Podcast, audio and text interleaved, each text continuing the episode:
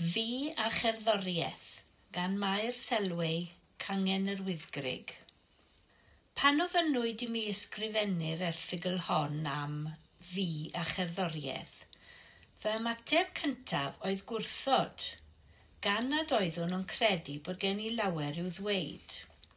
Ond wedi ail feddwl, heb gerddoriaeth, byddai fy mywyd wedi bod yn wag iawn – Felly, dyma groniclo peth o fy hanes. Fe'm ganwyd yn Rhagfyr 1937, yr unig ferch i Emlyn a Dil Jones goginan ger Aberystwyth.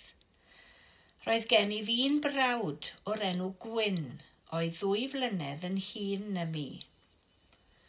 Pan oedd hwn yn dair oed, penderfynais fy mod eisiau dysgu chwarae'r piano, ac es – ar fy liwt fy hun a chiro ar ddrws Miss Lizzie Williams, a thrawes yn yr ysgol gynradd, i ofyn iddi a fysau'n fodlon rhoi gwersi piano i mi.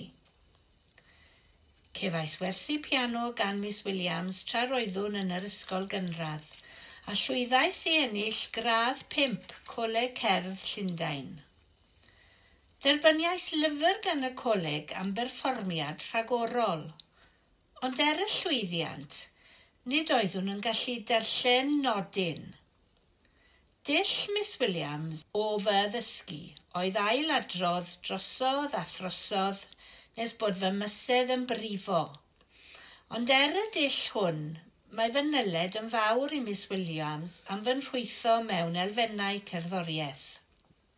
Roeddwn yn cystadlu mewn eisteddfodau o oedran ifanc iawn – yn canu nawdau a cherdant, a mam oedd yn fy nysgu. Wedi gadael ysgol gynradd Goginan, es i ysgol ramadeg Ardwyn yn Aberystwyth, a chefais wobr arbennig am ennill y marciau uchaf yn y sir yn yr arholiad lefel o cerddoriaeth.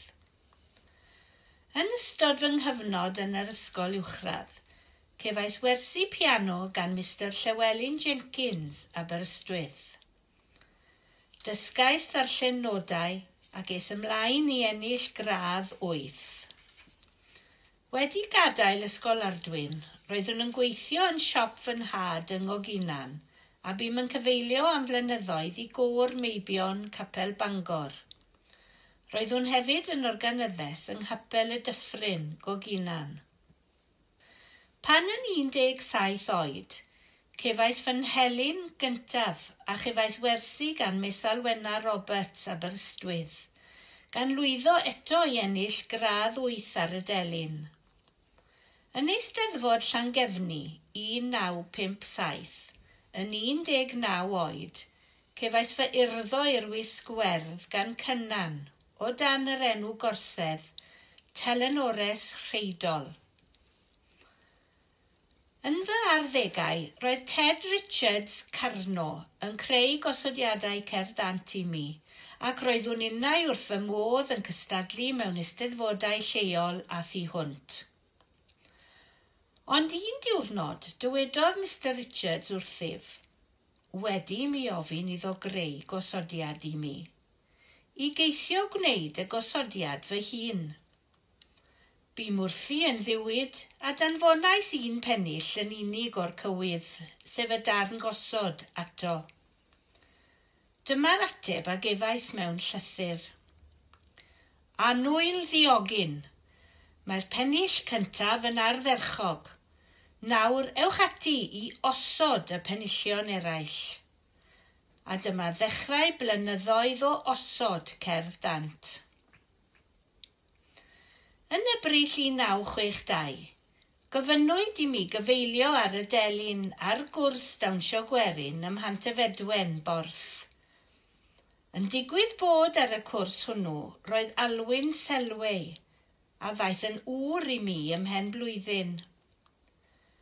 Ar ôl priodi yn 1963, bydd ddau ohonom yn brysur iawn yn cynnal nosweithiau llawen ledled Cymru yng Nghymru Trefor Brawd Alwyn a'i deulu a llawer o artistiaid dawnus eraill.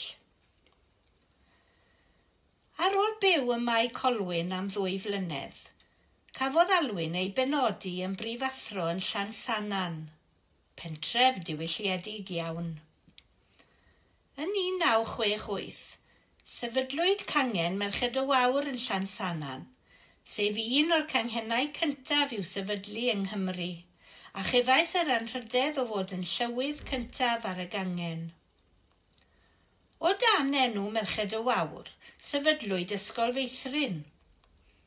Gofynnwyd i mi fod yn arweinydd cyntaf y cylch, gydag aelodau eraill y gangen yn cynorthwyo, a daeth cerddoriaeth yn adnodd gwerthfawr iawn, gan nad oedd gennym lawer o adnoddau eraill. Cafodd y plant bach lawer o gyfleoedd i berfformio mewn cyngherddau a rhieni yn dotio bob tro. Roedd o'n hefyd yn aelod ac yn cyfeilio ar y delyn i barti blodau'r grig, sef parti o ferched ifanc o Lansanan a'r cyffiniau, a sefydlwyd gan Gwen Wyn Jones. Cawsom dri o blant, Dylan, Buddig a Dyfrig – a buom fel teulu lawer gwaith yn diddori mewn cymdeithasau. Roedd gennym hyd yn oed fand. Fi yn canu'r delyn, Alwyn yn chwarae'r organ geg, Dylan ar y piano, Buddig ar y gitar a Dyfrig ar y triongl. Dyddiau da. Dros y blynyddoedd, rwyf wedi mwynhau hyfforddi llawer i ganu, a nifer ohonynt wedi cael llwyddiant mewn eisteddfodau cenedlaethol. Bym yn creu gosodiadau cerdant ac yn hyfforddi triawd hiraethog, sef Nia Clwyd, Elinor Rogers a Buddig Selway, ac yn fwy diweddar hyfforddi fy wyres marged i ganu. Gan fy mod yn canu'r delyn, cefai swydd fel athrawes deithiol yn ysgolion Sir Ddinbych. Derbyniodd llawer o blant wersi gennyf, ac rwyf yn falch o gael dweud bod rhai ohonynt yn parhau i ganu'r delyn hyd heddiw ac yn cael eu cydnabod fel rhai o brif delynorion Cymru. Yn y 70au, gofynnwyd i mi roi sgwrs am y delyn a gosod cerdant yng Nghymdeithas y Dynion yn Llansanan, sef Cylch yr Aled. Cafwyd noson hwyliog a chafodd yr aelodau gyfle i greu a chanu eu gosodiadau syml. Yn dilyn y noson honno, trafodwyd y posibilrwydd o sefydlu côr o ddynion, a dyna ddechrau Côr Meibion Bro Aled. Bym yn arwain y côr am dros 30 mlynedd. Yn 2007, daethom i fyw i'r wythgrig.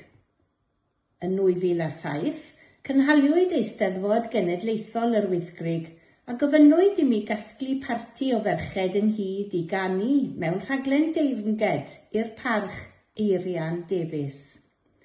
Dyma ddechrau parti sisiwrn a bum yn arwain y parti am ddeng mlynedd. Fel y gwelwch, Mae cerddoriaeth wedi chwarae rhan flaenllaw iawn yn fy mywyd ac wedi dod â chryn bleser i mi dros y blynyddoedd. Drwy gerddoriaeth, rwyf wedi cyfarfod a dod i adnabod llawer o bobl o bob cwr o Gymru a nifer ohonynt yn ffrindiau da i mi erbyn hyn. Yn sicr, mae cerddoriaeth wedi llenwi fy mywyd, a diolch amdano.